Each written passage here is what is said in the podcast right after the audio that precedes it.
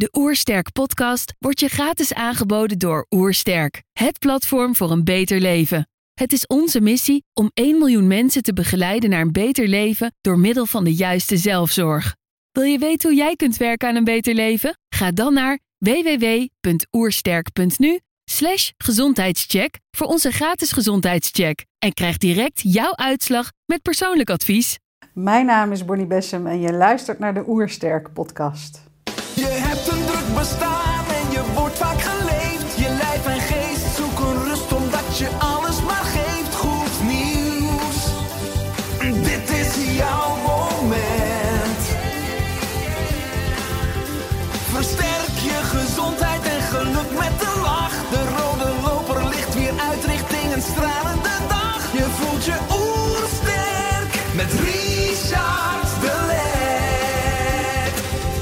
zijn in Heemskerk voor een podcast met Bonnie Bessem. Ze is psychologe, auteur, medium en levenscounselor. Ze combineert psychologie en spiritualiteit voor begeleiding, groei en bewustwording. Ik ben benieuwd naar haar tips voor een beter leven. Trouwens, geniet je van onze podcast? Abonneer je dan en laat een reactie of review achter. Zo help je ons om het gezondheidsvirus te verspreiden. Let's start! De Oersterk Podcast. Een ontdekkingstocht naar een beter leven. Bonnie, welkom. Dankjewel. Ik lees op je website: Mijn missie in het leven is om zoveel mensen te laten ervaren wie ze van essentie zijn. Dat ook jij jouw grootste potentieel mag ontdekken en leven.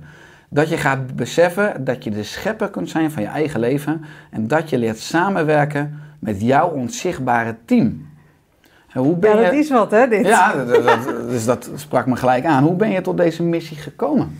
Nou, deze missie heb ik altijd gehad. Ik heb de mazzel gehad om eh, als kind, als je wordt geboren, dat je niet de sluiers eroverheen krijgt. Dat je vergeet eigenlijk waar je vandaan komt. Dat is wel een keerzijde, want als je jong bent denk je, wat is iedereen aan het doen hier? Hebben jullie niet door? Zie je dit niet? Zie je dat niet? Wat er allemaal gebeurt? En ehm, ik heb altijd gevoeld, ik weet nog dat ik zes was, dat ik op een gegeven moment dacht, nou, ik vind dit eigenlijk zo- zo'n ellende Dus ik zei, nou, God, haal me maar terug. Dit is de afspraak niet. En toen zeiden ja, maar je hebt er zelf om gevraagd. Dus voor mij is die verbinding, daarmee praten, altijd normaal geweest. En eh, ik heb ook altijd gevoeld van hoe mooi zou het zijn als we wakker worden tot wie je echt bent. En, en dat je ook ontdekt waartoe we in staat zijn. Nou, dan zitten we nu in een mooie tijd. Eh, Het coronatijdperk. Ja. omdat we nu echt die mogelijkheid krijgen. We kunnen het opnieuw gaan scheppen met z'n allen. Maar het, is wel, het moet wel samen. Ja, als je zegt van als zesjarig meisje, eh, zei ik, God kom me maar halen. En, Ja. eh, dus dat is een vraag en je krijgt antwoord. Moet ik me dan voorstellen dat je een, een stem hoort letterlijk? Nee, daar zit, daar zit vaak wat we denken. Ik weet dat, dat ieder, ieder mens, ieder kind wordt geboren eigenlijk om je thuis, de ongeziene wereld, nog te zien, te voelen en te ervaren. Totdat we het fantasie gaan noemen. Daar zit het probleem. Dus we noemen het fantasie en schuiven het weg. Maar als je naar kleine kinderen kijkt, naar wat zij zien en voelen en zeggen, en je doet het niet af als fantasie, omdat het, het interessante is dat juist de verbeeldingskracht, hè, maar ik gebruik echt een ander woord, omdat wij er fantasie va- van maken, maar in de verbeeldingskracht zijn zij in staat om met je te communiceren. Nou, en, en ik heb het idee dat dat steeds meer mensen doorhebben nu. En dan is het niet zo als wij elkaar stem horen, maar je hoort hem wel. Dus het is echt je rechter hersenhelft wat wordt gebruikt. Mhm. En ehm, je kan zeggen, ik hoor hem in mijn verbeelding. Ehm, totdat er zoveel dingen komen en je gaat ze ook opschrijven, dat je denkt, ja, dit kan ik niet verzinnen. Dat is gebeurd bij mij ehm, met, met mijn laatste boek, dat Hemeltaal. Dat, dat is communicatie tussen mij en mijn vader. Mijn vader was arts. En eh, die, bij, ook het hele leven is hij hiermee bezig geweest. Dus dat hele gezin is hier altijd mee bezig geweest. En toen overleed hij. En twee dagen later hoorde ik hem zeggen... Nou, je hebt nou leuk 20 jaar geoefend. Nou gaan we beginnen. Ja, dat was op 28 juli 2015. Ja, En twee dagen later ontvingen dus zijn vier kinderen apart van, van Ja. elkaar de- dezelfde boodschappen Ja. van hem. En niet alleen zij, maar ook anderen in hun omgeving. En je schrijft op je website het bewijs dat er leven na de dood is. Ja, en het interessante vond ik, als je het nou hebt over wat voor soorten bewijzen mijn uitgever die dat boek moet editen. En, en, en na het editen zegt hij tegen mij, ik ben niet overtuigd. Toen zei ik, hoezo dan? Hij zegt, nou alles wat jij schrijft moet ik verbeteren. Alles wat je door hebt gekregen, klopt, grammaticaal. Dus daar heeft, dat heeft hij niet hoeven editen. Ja, dat, toen zei hij tegen mij, ja, dat hou jij niet een boek vol. Maar dat vind ik zo mooi, is dat? Mhm. Ja, want je combineert eh, psychologie Ja. met spiritualiteit. Dus eh, je zou kunnen zeggen eh, het westen met het oosten. Ja, ja. Of ja, de hemel en de aarde. Hè? Dus je, je bouwt bruggen. Je editor had misschien ook al een gezonde achterdocht of twijfel. Maar je zegt, dat hoor je toch veel Maar van mensen. prima. Ook, ook maatschappelijk mensen zijn toch, en ik ook. Ik ben op zoek naar eh, mezelf, maar ook naar echte heling, genezing. ja. Eh, en op je website schrijf je ook het woordje hè, eh, diepe genezing. Als je kijkt naar toch de psychologie, want dat is gewoon een opleiding geweest, neem ik aan. En, en Ja. spiritualiteit, misschien ook opleiding, maar ook voor natuurlijk groot deel uit jezelf. Hoe ben je die twee werelden samen gaan voegen tot nou, dat fantastische concept en alle diensten die je nu uitdraagt? Ehm, ik heb gemerkt zelf dat je eh, met de psychologie, wel grappig, want hoe combineer je het? Kijk, je, je, je, je hebt door je studie psychologie leer je een bepaalde manier van denken. Hè? Dat is wat we altijd zeggen met, met een universitaire studie. Maar ik heb wel gemerkt dat met de psychologie is ook veel op aannames berust uiteindelijk. En ik vind het pleisters plakken. Dus ik heb wel in dat veld gewerkt. Ehm, maar ik merkte dat je, dat je pleisters plakt. Dus wat gebeurt er is eigenlijk een nieuw zelfbeeld wordt er gecreëerd. Maar het woord zegt het al, het is een zelfbeeld. Het is nog steeds niet wie je bent. En de spiritualiteit is, vind ik eigenlijk de wetenschap naar het onderzoeken wie je echt bent. Ja.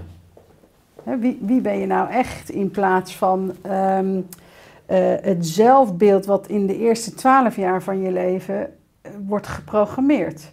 Dan zitten we ook met onze hersenen in die, in die eh, delta- en theta-staat. Dus ben je, ben je eh, super suggestief beïnvloedbaar, bijna in een hypnotische staat. Dus alles wat jij die eerste twaalf jaar over je heen krijgt, geloof je dat je dat bent. Nou, dat is het zelfbeeld. Maar wie ben je echt? En, en dat komt weer heel erg in. ehm, op een gegeven moment heb ik ze gevraagd. Dit is allemaal wel leuk wat ik heb, maar ik wil iets hebben wat werkt. Wat echt werkt voor mensen. Niet pleisters, pleisters plakken en daarna moeten ze naar de volgende therapeut of de volgende psycholoog of noem maar op, want dat is wel veel wat gebeurt. En toen kwamen ze met dat model van de levensinitiaties, waarin je, je geboren wordt als ziel. En ik zeg altijd, en dat komt eigenlijk door kleine kinderen waarmee ik werk, wat, wat is je ziel? En daar kwamen zij op, zeiden ze, nou, dat is de zon in je buik. De. En dus ik gebruik de zon als symbool voor jouw ziel. Als ik tegen iemand zeg, als ik tegen jou zeg, zet je zon eens aan, dan, dan gebeurt er iets. En daar gebruik je je verbeeldingskracht mee.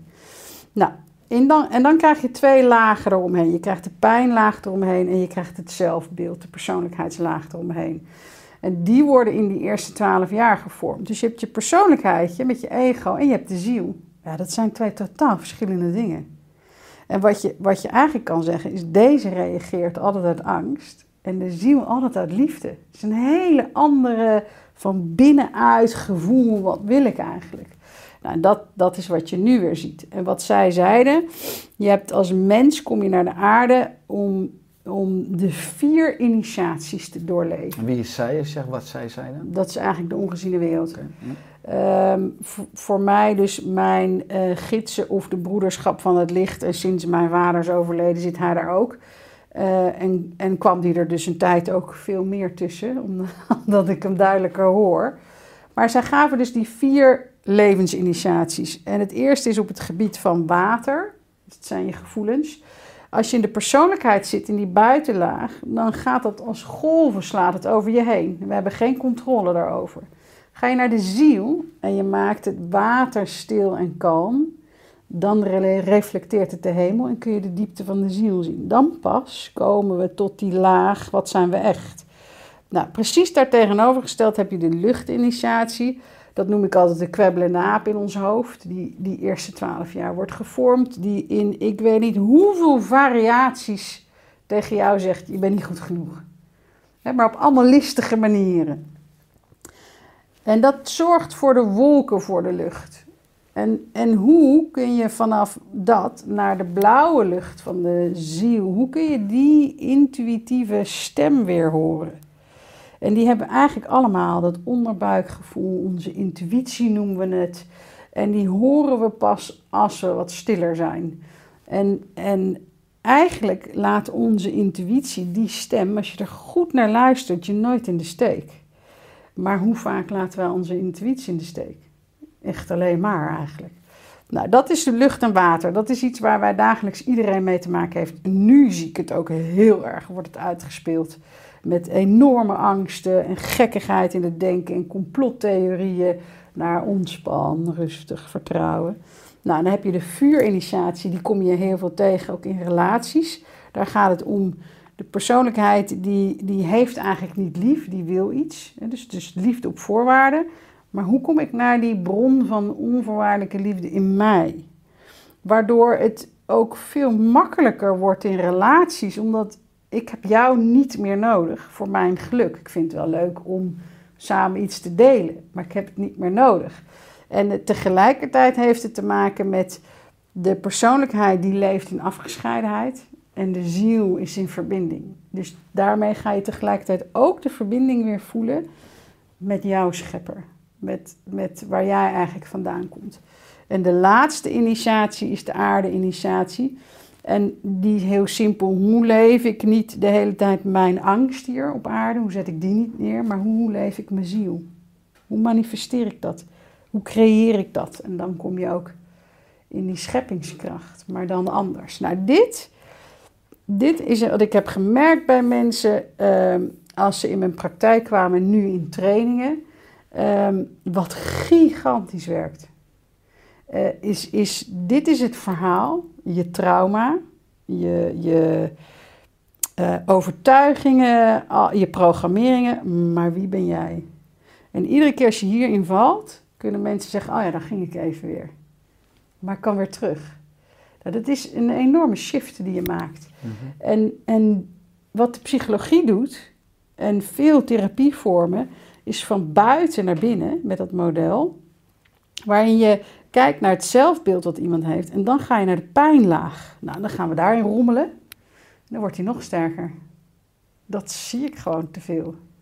En, en ik denk, laten we eens ophouden met, als je, als je het neemt een tuintje, laten we eens ophouden met het wieden wat niet goed is. Ga planten wat wel goed is. Laat dat eens omhoog komen. De focus is er veel op het onkruid. Ja, veel te veel. Ja, want wat je zegt, de levensinitiaties en dat model wat je noemt van uh, vuur, aarde, lucht en water, komt terug ook in je boek Onderweg naar Verlichting. Ja, ja. Ik neem aan dat je dat niet in je psychologieopleiding Nee, dat krijg je niet, maar het is wel een droom. Ja. Het is wel een droom van mij, omdat bij de psychologiestudenten... Ik heb veel psychologen die meedoen ook met de opleiding.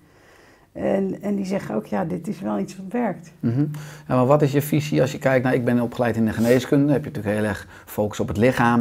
Nou, als de geest erbij komt in de geneeskunde, ga je meer naar de psychiatrie. Ja. Ik kan zeggen, in de psychologie is het vooral het hoofd, de geest. En nou, het lichaam bungelt eraan vast, is misschien meer het terrein van de reguliere geneeskunde. Uh, maar wat is jouw visie op uh, wat je altijd hoort, lichaam, geest, ziel?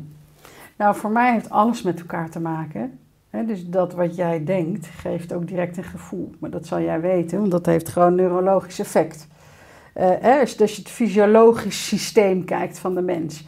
Maar daarin heb je al het gevoel, daarin heb je al het denken, maar daarin heb je ook de geest of de ziel. En, en wat speelt daar en wat is daar aan de hand? En, en voor mij, um, wat eigenlijk ook de shamanen doen, die hebben ook vaak, hè, als zij tot een genezing willen komen, dan werken ze niet met je fysieke lichaam. Ze werken met het veld erbuiten. Daar zijn ze aan het werk. En dan heeft het een effect op je fysieke lichaam. Voor mij is het fysieke lichaam als je het hebt over frequenties, de laagste, die volgt altijd zo laat. Daarvoor heb ik, ik heb, ik heb heel sterk het idee dat mensen opeens ziek worden of kanker krijgen na een hele heftige emotionele periode. Dan opeens breekt, maar het lichaam is altijd laat. En dan denk je, nou, ik was er toch vanaf. Ik heb dit doorwerkt, ik heb mijn scheiding doorgewerkt. En, en pats, krijgen ze dit ook nog eroverheen. En, en voor mij heeft dat zo allemaal met elkaar te maken. Dan heb je nog een ander aspect. Met, met wat voor een doel kwam de ziel eigenlijk hier? Die kan je niet altijd pakken. Net zoals jij waarschijnlijk in het, in, het, in het medische wereld zie je dat mensen de een geneest wel en de ander niet. Waarom? Wat is dat? En op welk gebied ligt dat? Maar kan je dan zeggen, als je alleen op het lichaam inwerkt, dan is er eerder sprake van een oppervlakkige genezing. Als je het hebt over de diepe genezing, dan moet je dus het hele veld omheen. Ja, je moet het hele veld pakken. Maar het hele veld heeft effect. En soms merk je wel dat het fysieke... Uh, ik, ik, ik geloof dat wij onze herinneringen ook opslaan in het lijf. Dus ik kan me voorstellen dat als er iets uit wordt gehaald, dat dat, je, dat dat niet meer opgeslagen is in die cellen. Maar het denkpatroon blijft. En, en die blijft creëren. En, ik, en wat ik voel is dat wij, dat, hoe belangrijk het is dat we gaan beseffen dat we scheppers zijn van ons leven. Nou, dan komen we direct op een heel gevaarlijk gebied, want dan zegt iedereen: Oh, heb ik het zelf veroorzaakt en ben ik schuldig? is mijn schuld, ja. Ja, en dan krijg je dat, waar je dus helemaal niets aan hebt. Maar dat is voor mij het ego-stemmetje, wat jou überhaupt weerhoudt om te gaan onderzoeken hoe scheppend jij eigenlijk kunt zijn. Maar heel veel dingen weten we niet wat we scheppen. En soms zit ik in de schepping van een ander, in de creatie. En, en, ehm, maar ik, ik weet wel dat de laatste jaren, uh, dat heb jij ook vast gezien. Uh, eerst was het The Secret en dat wat je wenst gebeurt. En, maar hij, hij, hij is veel groter dan dat. We komen nu ook in een tijd, en daar zitten we ook in, waarin we zo gaan ervaren ehm, onze scheppingskracht. En daar hoort niet bij, oh jee, dan ben ik schuldig. En, en nog een keer je zweep achter je, bij je achterzak vandaan halen en jezelf nog een keertje op je rug mhm. slaan. Dat hoort er niet bij. Nee, er hoort onderzoek bij. Als dat zo is, wat eigenlijk de vroegere um, goeroes en meesters altijd al hebben gezegd, laten we dat eens onderzoeken. Ja, maar als je het hebt over uh, diepe genezing. Ik ben zelf natuurlijk een groot voorstander van preventie. Ja. Als ik op je, op je website en in je diensten komen eigenlijk voor mij twee kernwoorden terug. Eén is bewustzijn en het andere is verbinding. Ja. Hoe kunnen we, ook als, als, mensen nu luisteren of ons zien, uh, hoe kunnen we ook preventief ervoor zorgen dat we nou meer vanuit onze eigen dan scheppingskracht gaan leven? Nou, A, dan zal je dan zal je bewust moeten worden van wie je bent. Want anders blijf je scheppen vanuit die persoonlijkheid, vanuit angst. En hoe, hoe doe ik dat? Nou, dat, voor mij is meditatie het uh, middel. De stilte opzoeken, meditatie, om te gaan voelen wie ben ik echt. Um, dus één vraag vind ik altijd wel mooi. Uh, Ramana Maharshi zei bijvoorbeeld, zijn enige vraag voor zijn leerlingen was, wie ben je? Ga dat antwoord maar eens krijgen, vinden. En, maar heel eh, veel mensen zoeken de reis de hele buitenwereld af om het antwoord te krijgen. Maar jij zegt dat vind je alleen maar binnen in jezelf. Ja, maar als, als, als de ziel hier start, waar moet ik naartoe dan? Dat is toch hier? En voor mij is dus ook het lichaam zit in de ziel. dus uh, voor mij is inderdaad... Dit is nog een hele oude aanname eigenlijk die je zegt. Hè? We moeten de hele wereld over om antwoorden te vinden. Terwijl we volgens mij daar vanaf zijn.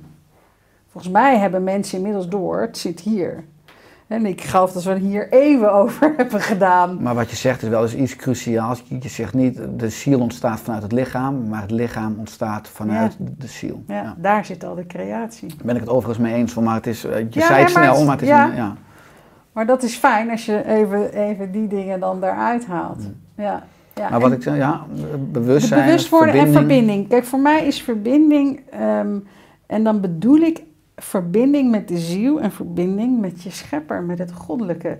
En je kan het God noemen, je kan het de bron van liefde noemen, je kan het bij de AA noemen ze de hogere macht. Het maakt niet uit hoe je het noemt.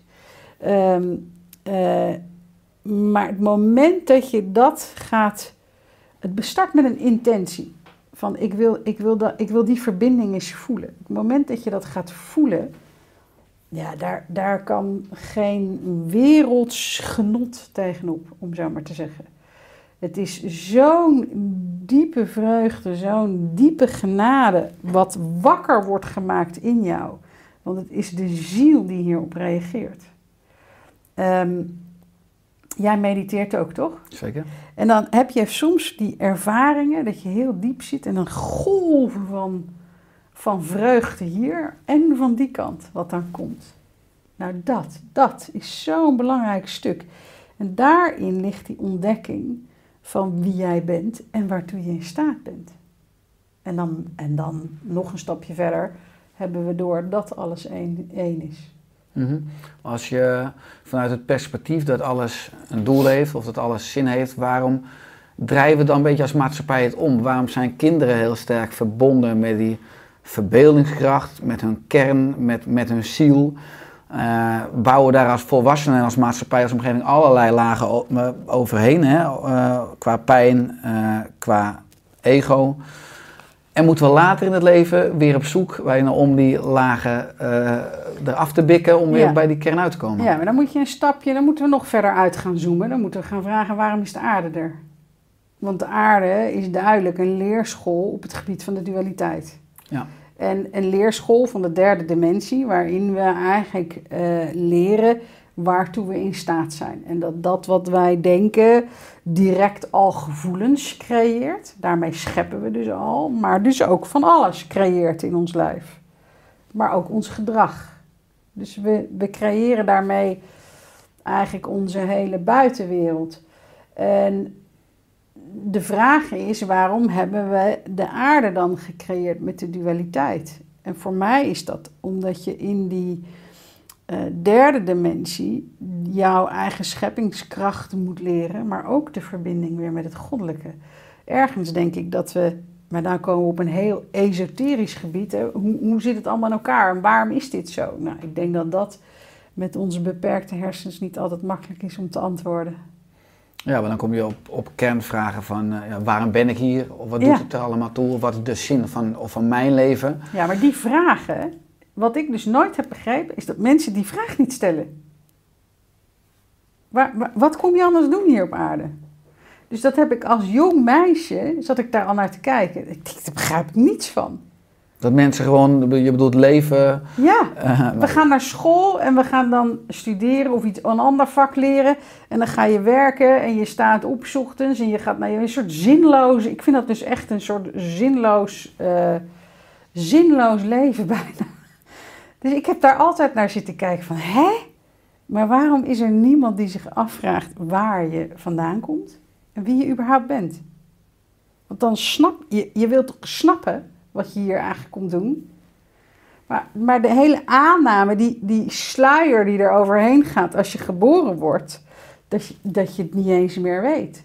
En dan komt de programmering. Maar is dat ook dan een wens van de, van de, de ziel? Is het al voorbestemd dat je ook bepaalde negatieve ervaringen meemaakt vanuit die dualiteit goed en slecht? Of eh, om uiteindelijk daar te komen waar je moet zijn of wat je dit leven wil leren? Ja, dat weet ik niet. Ik denk dat dat ook voor iedereen anders is. En, maar ik weet wel dat je als, als zonnetje naar die aarde komt en eigenlijk het in de buik al misgaat, dan begint de hele De programmering. conditionering al. Ja, dan begint de conditionering al. En daar kan je helemaal niemand de schuld van geven, want iedereen op aarde is hiermee mee bezig op deze manier. Maar wat zien wij wel? Kijk, wij kunnen niet een, een, een God de schuld gaan geven voor de pestzooi die wij hier hebben gemaakt. Dat is onnos. Weet je, die hebben we echt zelf, onze eigen verantwoordelijkheid. En, en daarmee zie je al onze scheppingskracht, gezamenlijk. Kijk naar de aarde, kijk naar wat er om ons heen gebeurt. Kijk naar het hele coronavirus waar ze tien jaar geleden al zeiden... het is niet de vraag of het komt, het is de vraag wanneer. Ja, en we, we luisteren gewoon niet. Omdat we te lang geen oog hebben gehad voor de balans in de natuurlijke ecosystemen. En eigenlijk dus Ja. roofbouw plegen op de aarde, op onszelf. En op onszelf dus. Maar ook, ook bijvoorbeeld heel simpel. La- laten we terugbrengen even als je het hebt over genezing. Eh, voor mij is stap 1, let op je gedachten. Want die creëren werelden. Maar dat brengt je niet naar huis. Dus je hebt in je gedachten, als ik veel kijk naar mensen met een angststoornis, die heftige angstgedachten hebben. En dat wordt zo groot dat het een realiteit wordt voor ze. Wij zeggen, joh, doe niet zo raar. Dat weet je, dat zie je toch?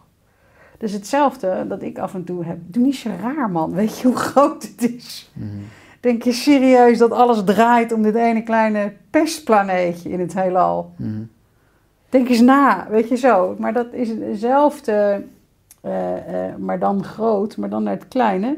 Ga goed kijken naar je gedachten in wat dat creëert. Als je het nou hebt over wat kan mij eh, diepe genezing geven, dan ligt het voor mij stap 1 bij je denken. Let op wat je denkt. Word daarvan bewust. Daarnaast voel wat het creëert in jouw lijf. Wat het doet, neem eens die verantwoordelijkheid. Daarnaast is er altijd dat we niet helemaal weten, kunnen weten wat het plan van de ziel is. Dus soms ontstaat de genezing wel en soms ontstaat die niet. Maar voor mij is dood niet erg. Voor mij is dood, je mag terug naar huis. Het is maar net hoe je het bekijkt. Maar- Perceptie. ja, weet je, als je ziek bent en, en, en ehm, ik weet nog zo goed dat ik iemand begeleidde en zij, zij had kanker en wij hadden de meest mooie sessies waarin ze zoveel dingen kon vergeven en zich zo goed voelde, haar ziel en alles, haar hele, alles was daarin genezen, maar de lichaam ging niet meer mee. En op het laatst zei ze, weet je, ik ben eigenlijk zo blij dat ik naar huis mag. En daarin voelde je al, dus die onderlaag, die helemaal niet zei: we gaan dit weer genezen, we gaan gewoon naar huis. Ja, dat weet je niet. En daar heb ik geen enkel oordeel over. Mhm. Ik vind dat helemaal oké. Je hoort soms ook wel eens het verschil tussen genezen en heling, hè? weer Ja. heel worden. En dan, eh, dan was je, als je dan naar huis toe gaat en je bent heel, dus misschien volgens dan de wetenschap niet genezen of ziek, maar dat zijn natuurlijk wel twee verschillende dingen. Ja, Ja. Eh, als je steeds met deze, want ik hoor je gedachten een paar keer zeggen, denkpatronen. Eh gedachten zijn dan de taal van het hoofd en gevoelens ook de taal van het lichaam. Hoe die met elkaar samenhangen. Hoe kunnen mensen nou eh, beter gaan denken? Want we leren er niks over, bijvoorbeeld op school. Ik, heb, ik heb Noah is negen jaar, mijn oudste zoon. James is anderhalf jaar, dus dan herken ik zeker die verbeeldingskracht. ja hè? Eh, maar ik bedoel, rekenen, schrijven, je, je Ja. leert allemaal vakken op de basisschool. Maar hoe kunnen we kinderen en, en ook mensen, wat, wat zijn bepaalde principes waardoor je beter kunt denken? Waardoor je voedende gedachten kunt produceren? Nou, wat ik het leuke vind in het Verre Oosten, eigenlijk leren ze kinderen de monkey mind. Hè, die zich op een gegeven moment gaat ontwikkelen. En door dat verschil al aan te geven, geef je je kinderen zoveel. Dus wat ik bij kinderen doe, is ik leer ze allereerst de zon. Zet je zon aan. En als jij in je zon zit, hoe denk je dan? Ja, dan komen er hele andere gedachten. Dus ook het verschil tussen het ego-stemmetje en je zielenstem. Bij kinderen zeg ik altijd, als je een vraag stelt, wat voor een antwoord krijg je dan? Ik zeg dus altijd eerst het ego wat start. Met ja, maar, da, da, da, da, weet je. En draait in cirkeltjes rond en dan stil, rustig, zakken. Zet die zon maar aan, ga maar voelen. En wat hoor je dan? Nou, dan ben ik zo verbaasd tot het ontroering toe als je hun antwoorden dan hoort. Ik denk, wat een wijsheid zit hierin. Zo mooi. En nu natuurlijk, de, de kinderen nu is sowieso al van een heel ander kaliber dan, dan, dan mijn leeftijd. Weet je, ik ben nu in de 50. Dat is al echt een heel, al heel groot verschil. Wat er nu wordt geboren en, en die jongeren en hoe zij denken en eh, hoe ze voelen en hoe ze zijn.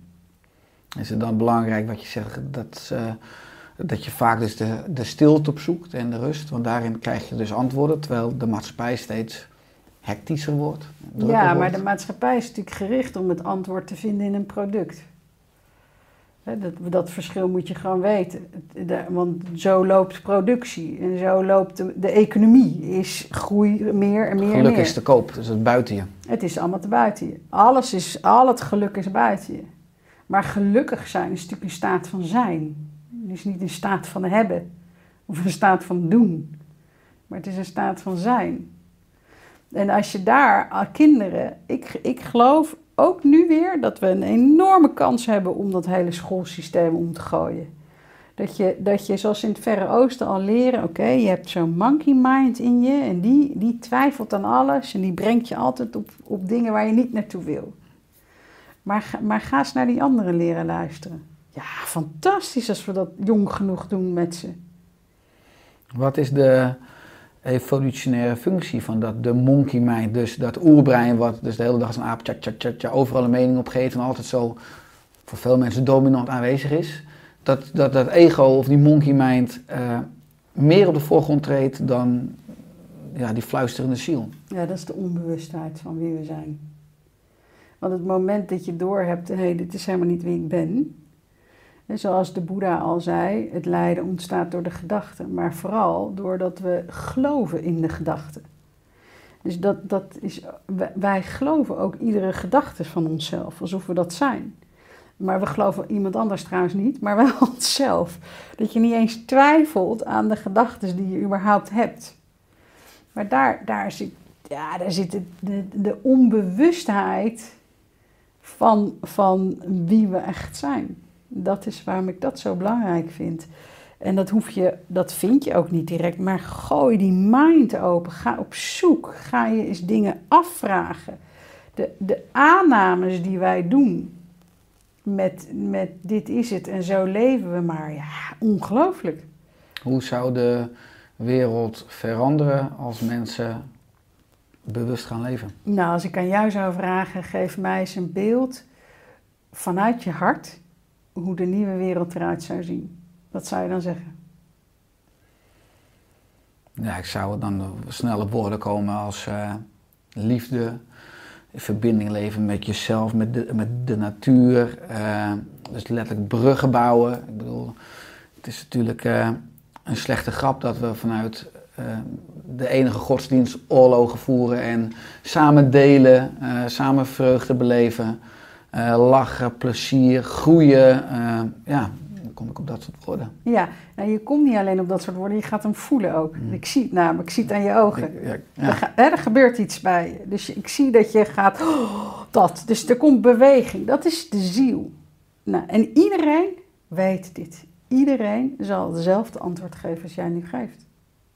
Dat is dus een verlangen wat we allemaal diep van binnen hebben. Dat is een verlangen wat we allemaal hebben. Maar waarom luisteren we er niet naar? Omdat we eh, zoeken buiten onszelf. Net zoals we zoeken in relaties van jij moet mij geven en dan ben ik gelukkig. En, en we zoeken een, een, een eenwording die we eigenlijk nooit ook kunnen vinden met onze partners. Waardoor alle frustratie trouwens begint. Dus een relatie kan je aanvullen in plaats van opvullen. Ja, ja die is ook mooi. Maar dat je, dat je, dat je die, die echt die, die liefde, die zielsverbinding in jou voelt. Ja, als we vanuit dat veld, wat jij nu doet. Stel, we hebben onze gedachten daarop. Stel, we halen alle gedachten, ook in jezelf, je hebt over, over mijn trauma's. Stel dat je eens al die energie van met dat verleden bezig bent, terughaalt naar het nu. En we gaan hem stoppen in wat we wel echt diep van binnen voelen, dat verlangen. En het is dat verlangen wat ons terugbrengt naar het goddelijke, naar wat we werkelijk zijn.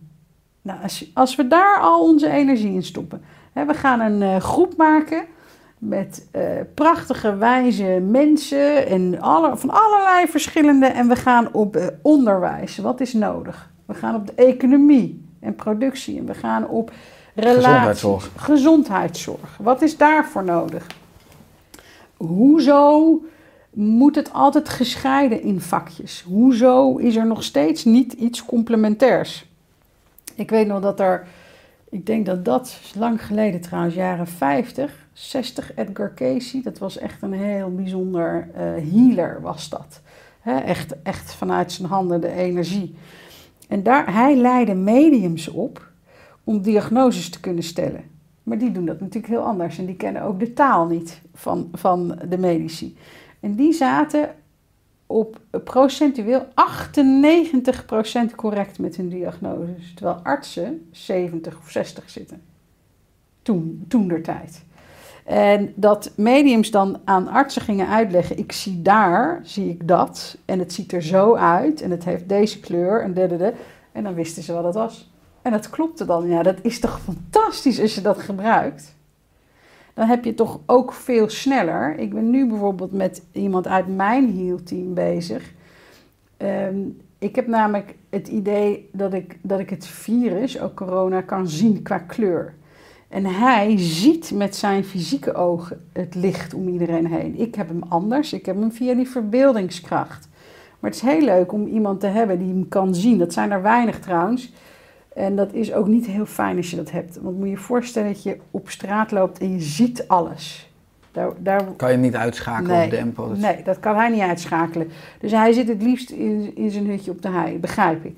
Maar wij kwamen beide op dezelfde kleuren uit van wat wij zien. En wij zagen ook, voordat dat in het nieuws kwam, dat het virus zich afsplitst in verschillende varianten.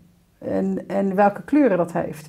En we hebben nu dus ook getest met foto's van kan je het zien? Kan jij zien bij iemand wanneer die het heeft? Nou, dat, dat, dat is, ja, als je dat gebruikt, en je hebt mensen daarvoor in de hele uh, complementaire zorg die je op deze manier inzet. Hoe mooi is dat? Absoluut. Nou, dan beginnen ze allemaal met de vraag: ja, maar het moet waarheid zijn. Terwijl ik heel erg uitga van wat werkt. Ik heb ooit een meisje behandeld met meervoudige persoonlijkheidsstoornis. En zij zat in een niet een gesloten afdeling, maar wel begeleid wonen, omdat ze dat al heel lang heeft. En zij kwam bij mij en toen zei ik, nou vertel eens, hoeveel zijn het er? En geef eens, geef eens ehm, de namen.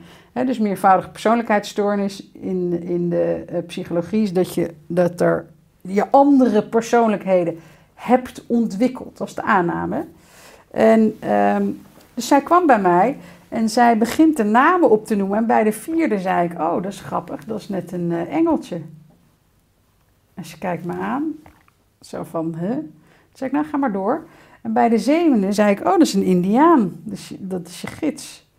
En toen, en toen zei ze, maar hoe, hoezo kan jij dat zien? En toen zei ik, nou, omdat mijn aanname anders is. Dus je bent zo gevoelig dat je verschillende entiteiten, geesten ziet. Ik zeg, maar deze twee, jouw gids en jouw engel, dat zijn de enige twee waar je naar mag luisteren. En die dingen zeggen die leuk zijn. De rest is dus niet leuk wat je hoort. Ja, ja, ja, ja dat klopt. En toen zei ze tegen mij, maar, maar heb ik het dan niet zelf gemaakt? Nee, zei ik, je bent wat overgevoelig. Dus je hoort ze. En dat is waardoor je denkt. En de aanname is, je hebt ze zelf gemaakt. Dus ik heb tegen haar, ja, simpeler kan niet. Ik heb tegen haar gezegd, de volgende keer dat je ze hoort, stuur je ze weg. En de enige twee waar je ze nog naar luistert, zijn deze twee. En ze komt een week later terug, het is weg.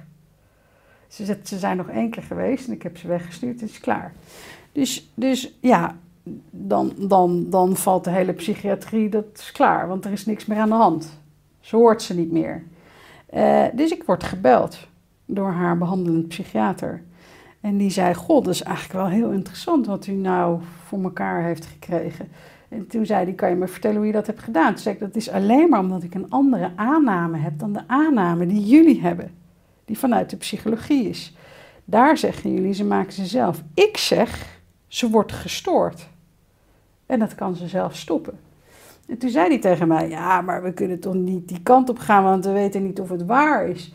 En toen zei ik: maar jij doet er al drie jaar over en ik deed er een week over. Dus zullen we niet eens kijken naar wat werkt? Wie geneest heeft gelijk. Ja, maar, wat, maar wat werkt? Weet je, uh, who cares of het waar is of niet? Maar als je het kwaliteit van leven aan iemand op deze manier terug kan geven en het is over, omdat je totaal anders denkt. Ja, en als je het hebt over gids en een engel, is dat synoniem voor ziel of is dat nog, er zijn er dus uh, nog andere mogelijkheden qua dus advies, uh, gidsing naast je ziel? Ik denk dan alweer in. Nou, voor mij is dit iets heel anders. Dan, je hebt je ziel, hè, mhm. jouw eigen of je hogere zelf. En je hebt vanaf je geboorte, heeft ieder van ons een gids bij zich en een engel. Nou, dat is dus het onzichtbare team. Ja, dus je hebt bijvoorbeeld, ehm, dat zeggen we toch vaak, een, ik heb een engeltje op mijn schouder gehad. Hè? Dat zijn echt de hoeders van de ziel. Dus mocht er iets gebeuren wat niet in het plan is, dat jij eerder zou komen te overlijden, dan, dan heb je wel heel veel verhalen zijn daarvan, dat mensen zeggen, nou ja, ik werd opeens geholpen, of wat een wonder, of wat is hier gebeurd. Nou, dat is echt ingrepen van de engelen.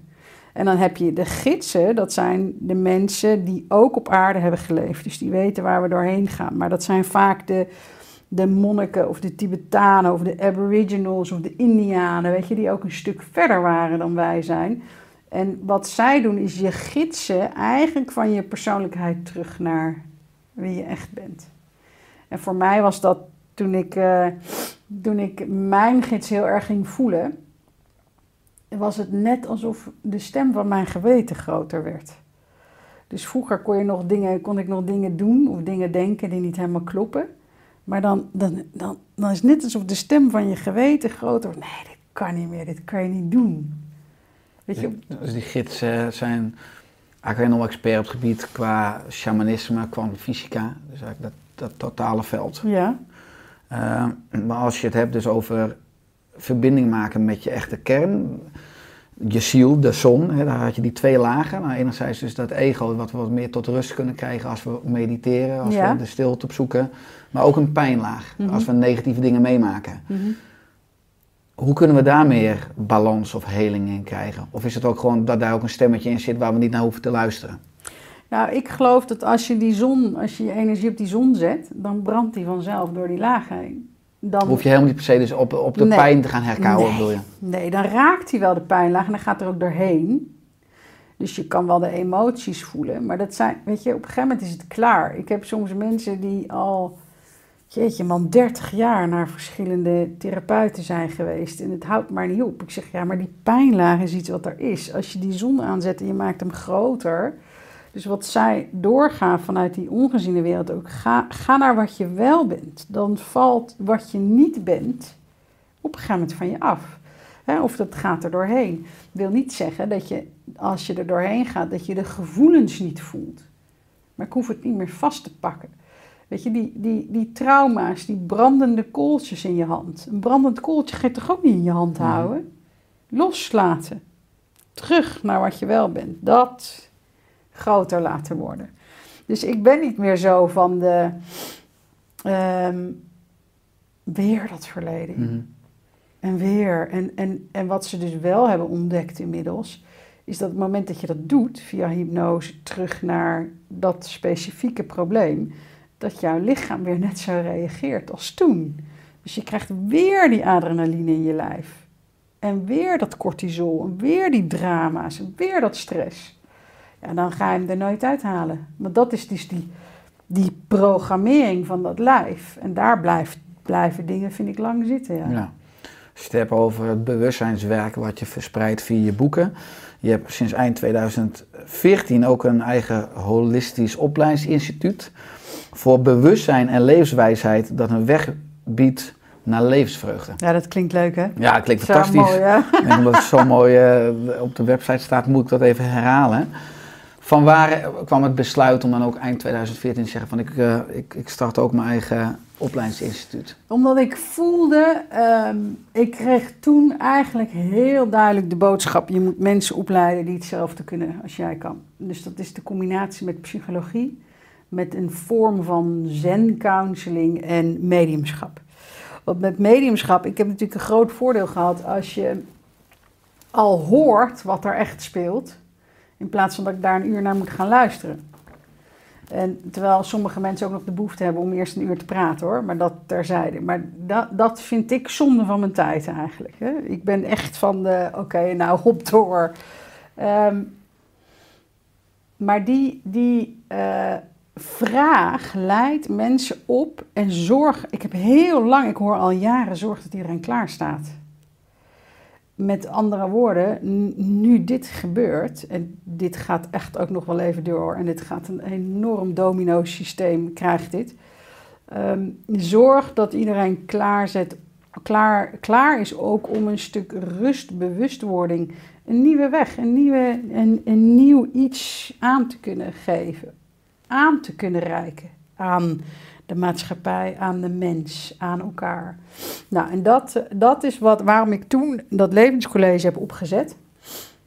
geïnitieerd. En ik heb het samen met een aantal anderen hebben het opgezet. Waarin we dus inderdaad mediumschap, de psychologie en de zen counseling combineren. Dus niet weer die pijnlaag in. Nee, echt ga, ga ontdekken wie jij bent. Maar er zitten ook sommigen bij die een absolute gave hebben in dat mediumschap. Ja, dat is mooi, vind ik dat hoor. Dus daar heb je twee vormen mediumschap. Is A, het, het, communiceren met overledenen. Daarmee, daarmee bewijs je, al is het suggestief, uh, dat het leven doorgaat. Maar stel, ik heb jouw um, uh, opa of jouw vader en hij vertelt me wat hij heeft gedaan. Hij vertelt me de laatste gesprekken die jullie hebben gehad. Maar zoveel details die ik natuurlijk niet kan weten, ja, dat doet iets met iemand. En, uh, en je hebt het mediumschap waarin je in staat bent om hogere waarheden te ontvangen. En ja, die hebben we ook in onszelf. Maar je kan ze ook ontvangen. En dat is toch ook wel heel mooi hoor. Die filosofie en dat wat er dan komt. Dus dat, dat uh, ja, en daarnaast zit er een stuk counseling in uh, voor mensen um, om niet te veel te blijven hangen in de pijnlaag. En wij hebben dan die module, is echt dat healing en bewustwording. En daar halen we de oude Aboriginal stappen erbij. Van de vijf stappen tot, tot zelfgenezing, het activeren van je zelfhelend vermogen. Waar Aboriginals, voor hun is dat normaal. Um, en eigenlijk wat ik heel leuk vind, is ook de laatste inzichten en onderzoeken. Dus ik volg uh, dokter Joe Dispenza heel veel. Um, weet je, wat, wat gebeurt er met dat neurologisch systeem? Wat doen we? Wat creëren we daarmee? En ook die kwantumfysica. En het is zo mooi om te zien dat de wetenschap nu ook dat veld van spiritualiteit betreedt. En ook vindt bewijzen kan leveren voor iets wat ze eeuwen geleden al, wat ze al lang wisten. Mm. Ja, wat mooi is dat we als mensen subtiele wezens zijn. Dat Joe, Joe Dispenza ook zegt, wat ik een krachtige quote vind, je gedachten zijn belangrijker dan je omgeving. Want we kijken nu heel erg naar epigenetica en de geneeskunde. want je gedachten bepalen in welke omgeving je leeft. Hè? Dat, dat gedachten ja, een sleutel zijn als je het hebt over kwaliteit van leven en gezondheid. Is er een enorme vraag ook onder dus reguliere psychologen die bij jullie in het opleidingsinstituut komen? Omdat ze nou, misschien al die gesprekken en al die technieken wel hebben, maar natuurlijk ook vaak in de praktijk zien dat maar een heel klein deel duurzaam werkt en aanslaat. Ja. Dat ze op zoek gaan naar aanvullende. Ja, ja. En, en dat is een van mijn dromen, is hoe zou ik de levensinitiaties in, in het curriculum van de universiteit kunnen krijgen van de psychologie. Om ze ook echt dat andere gebied te laten zien. Terwijl je in de psychologie wordt eigenlijk niet gesproken over de ziel. En, en, en dus dat, moet, het, ook dat moet groter. Ook dat moet meer. Ook dat moet complementair. Um, hetzelfde als in, in ziekenhuizen of met artsen. Ik heb regelmatig gesprekken ook met artsen die zeggen: Goh, zo mooi, waarom kunnen we dit niet complementair maken? omdat iedereen zo bang is om daar überhaupt over te praten. Ook zoiets raars, hoe die angst is ontstaan. Begrijp ik ook niet eens. Maar misschien omdat je vanuit de reguliere geneeskunde al snel een kwakzalver bent. Als je ja, maar, maar dat is toch raar dat we daar dat überhaupt zo zien. Ja, ik vind het heel erg uh, raar, om dan jouw woorden te gebruiken, dat, uh, dat je bijna niet... Dus ik ben heel erg nieuwsgierig. Hè? Ja. Dus dan vinden mensen mij een moderne kwakzalver, maar dat vind ik een eretitel. omdat ik buiten alle lijntjes kleur en continu op zoek ben naar uh, mezelf beter te willen snappen. Ook meer te willen leren over diepe heling en genezing, lichaam, geest, ziel. Ik vind dat een magisch ontdekkingsveld waar je nooit uitgeleerd bent en waar ik ook enorm graag leer van andere mensen. Maar ik herken, of ik ken zelf ook veel artsen die bij spreken wel in hun privé-tijd bestuderen of zich erin verdiepen, maar dat in de artsenkamer niet snel durven of kunnen uitspreken. Ja, maar dat moet nou eens afgelopen zijn. Weet je, want dan blijf je in zulke beperkte dingen denken. Uh, ik weet nog, mijn vader was zelf arts. En ik weet nog dat ik op een gegeven moment iemand uh, behandelde met psoriasis. En ik kwam erachter wat er gebeurt, waardoor dat begint op haar hoofd. En wij waren bezig met iets anders. En zij belt me s'avonds op. Ze zegt, het is zo raar, maar mijn psoriasis is weg. Dus kennelijk hadden we dat, we waren niet daar echt specifiek mee bezig. Dus ik moest wel lachen, mijn vader, oh dat moet je documenteren, je moet promoveren, je moet dit. Toen zei ik, joh pap, daar heb ik geen tijd voor. Want het, het is allemaal zo traag waarop dat gaat. Het moet, dingen moeten werken. En ja, voor hem was dat, ehm, het was wel grappig, want hij had ook af en toe zo vastzitten aan, aan zijn medische aannames. Maar ik zeg, als je dat nou dingen groter maakt, wat hij wel, wat bij hem heel erg een trigger is geweest. Hij komt wel ook uit zijn moeder, was heel erg mediamiek. Maar hij had een van zijn triggers is geweest een patiënt die eh, onder narcose, maar uit het lichaam is gegaan. Dus die wist exact na te vertellen waar ze het over hadden gehad in de operatiekamer. En, en eh, ik kan je verzekeren dat dat niet altijd leuke gesprekken zijn die ze hebben onderling, ook, ook gênant. En eh, mijn vader zei ook daarna, ik heb daarna ook echt ingevoerd dat we ongelooflijk letten op de gesprekken die we hebben tijdens een operatie. Dus dat was voor hem ook wel van, hé, hey, die is toch wel apart. En die vrouw wist precies te vertellen waar ze het over hadden gehad. Absoluut, ja, is boeiend als je kijkt dat als mensen dus het bewustzijn kwijt zijn, maar dat er toch allerlei andere niveaus Ja. zijn qua bewustzijn, hè? ook onderbewustzijn. En Ja, dat vond ik ook zo mooi, dat boek van Anita Moriani. Ik moest doodgaan om mezelf te genezen. Ken je dat? nee, En zij, zij eh, gaat dood aan kanker, aan gigantische tumoren.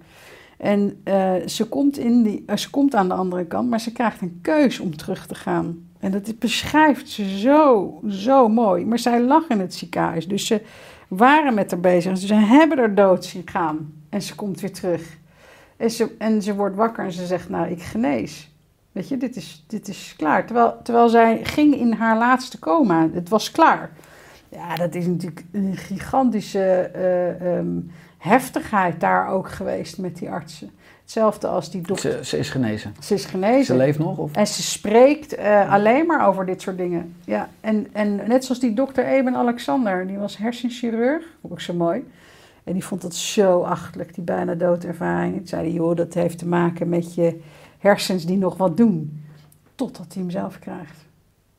En hij, en hij, en hij krijgt een hersenvliesontsteking waardoor hij hersendood is. En hij krijgt een bijna doodervaring en hij komt terug. En, en hij doet ook niet anders nu dan spreken op, op grote medische congressen over dit, wat hem is overkomen. Heeft hij ook een boek geschreven? Ja, leven, eh, even kijken, eh, na, dit, na dit leven, Dr. Eben Alexander. Na dit leven is een Ja, boek. en dus hij heeft twee boeken of drie boeken al. Mm. Super interessant. En, en eh, dat je ziet dat nu steeds meer ehm, ook medici eh, ook, ook op dit vlak gaan bewegen. En ik zeg altijd, weet je, sluit niks uit. Mensen zeggen wel eens tegen mij, ja joh, daar geloof ik allemaal niet in en dat is allemaal gezweef en ik ben wetenschapper. Zeg ik, maar een wetenschapper onderzoekt de dingen. Die gooit niet iets zomaar weg. Weet je, hoe kan je nou zeggen dat je een wetenschapper bent? Ga, zet die mind eens open. Word eens nieuwsgierig. Ga zoeken. Maar is de wetenschap niet altijd eh, dat de focus op meetbare... Hè, dat is misschien dan het, nog, nog de uitdaging, hoewel we misschien over 50, 100 jaar Ja, al die joh. energie ook kunnen meten en dat het dan alsnog erkend gaat worden. Maar Ja, ik las nu eh gisteren iemand, eh, een professor op Harvard, die vertelde over wat voor de mens zichtbaar is en wat onzichtbaar is. Dat ze dat meetbaar kunnen maken. En toen vergeleek hij dat met de Empire State Building. En toen zei hij dat wat wij als mens met ons fysieke oog kunnen zien, is een zandkorrel. Al dat andere zien wij niet. Maar het wil niet zeggen dat het er niet is. Dat is zo mooi. En nu heb je steeds meer kinderen en jonge mensen die wel veel meer zien. Die, de, de, die kunnen veel meer zien en horen. met al deze nou, staat van zijn, leef je de, de, dus ook een, heel ander leven dan de meeste mensen qua dagindeling. Ik bedoel, we hebben een eh 40-urige werkweek. Nou, we hebben ook met z'n allen, allen afgesproken. Zeg je van nee, ik heb mijn optimale dag. eh, Dat is echt een andere blauwdruk waar veel meer rust of meditatie. Of nou, je kan natuurlijk zelf bepalen hoeveel uur je en hoe ver het werk is natuurlijk. Eh, Ja, ik werk soms wel meer hoor dan 40 uur per week. Eh, maar dat komt omdat dit. Ik kan niet mij en mijn werk scheiden van elkaar. Dat is, ik, heb een, ik heb een roeping, ik heb het altijd gehad. Dus dat wat er gedaan moet worden, moet Een levenswerk. Dat- ja, dat gebeurt. En, en eh, ik heb niet, voor mij loopt dat allemaal door elkaar. Ehm, voor mij is wel mijn grote missie, op wat voor manier dan ook, ehm, mensen gaan nadenken of gaan voelen, gaan verder kijken. Dit is niet alles, er is veel meer, maar daardoor ook ja, onze kracht en onze potentie waartoe we in staat zijn qua zelfgenezing, qua hoe we de maatschappij opbouwen, noem maar op. Als mensen nu luisteren en ze hebben pijntjes of klachten, uh, wat zou een advies, een tip kunnen zijn naar zelfgenezing of dan naar meer balans? Nou, een van de belangrijkste dingen, die kan je vanaf mijn site zo downloaden, dat is de, dat is de meditatie of de visualisatie van de zon. Dus ik ben daar twintig jaar geleden mee begonnen. Het eerste wat ik doe als ik opsta is mijn zon aanzetten. En daarmee stel ik me voor dat die aangaat en door mijn hele lichaam heen gaat, ook naar de pijnplekjes. En hij wordt veel groter dan mijn lichaam. Dus mijn lichaam zit in de zon. Nou, hoe meer je dat gaat voorstellen, hoe meer je dat gaat voelen.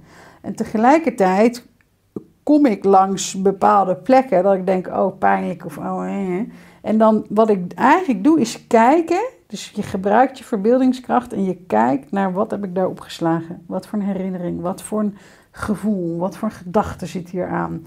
Nou, die kom ik meestal wel direct, dan kom ik erachter. Ik denk, oh ja, dit, uh, die mag ik opruimen. Opruimen door de zon er doorheen te laten gaan. Dat is wat ik dan doe. Dus die zon voor meer lichaamsbewustzijn. Ja, wat, wat sla ik op, wat gebeurt er? Maar die zorgt ook voor de toename van jouw zielenkracht. Want daar zit echt een enorm genezende kracht zit daarin. Nou, dus eigenlijk de eerste stap van zelfgenezing, of gewoon ook preventief, is al je verbinden met de kracht van je ziel. Ja, ja. met jouw zon, met jouw licht. En dat steeds groter maken. Je zegt, ik heb geen 40 uur werkweken, vaak meer.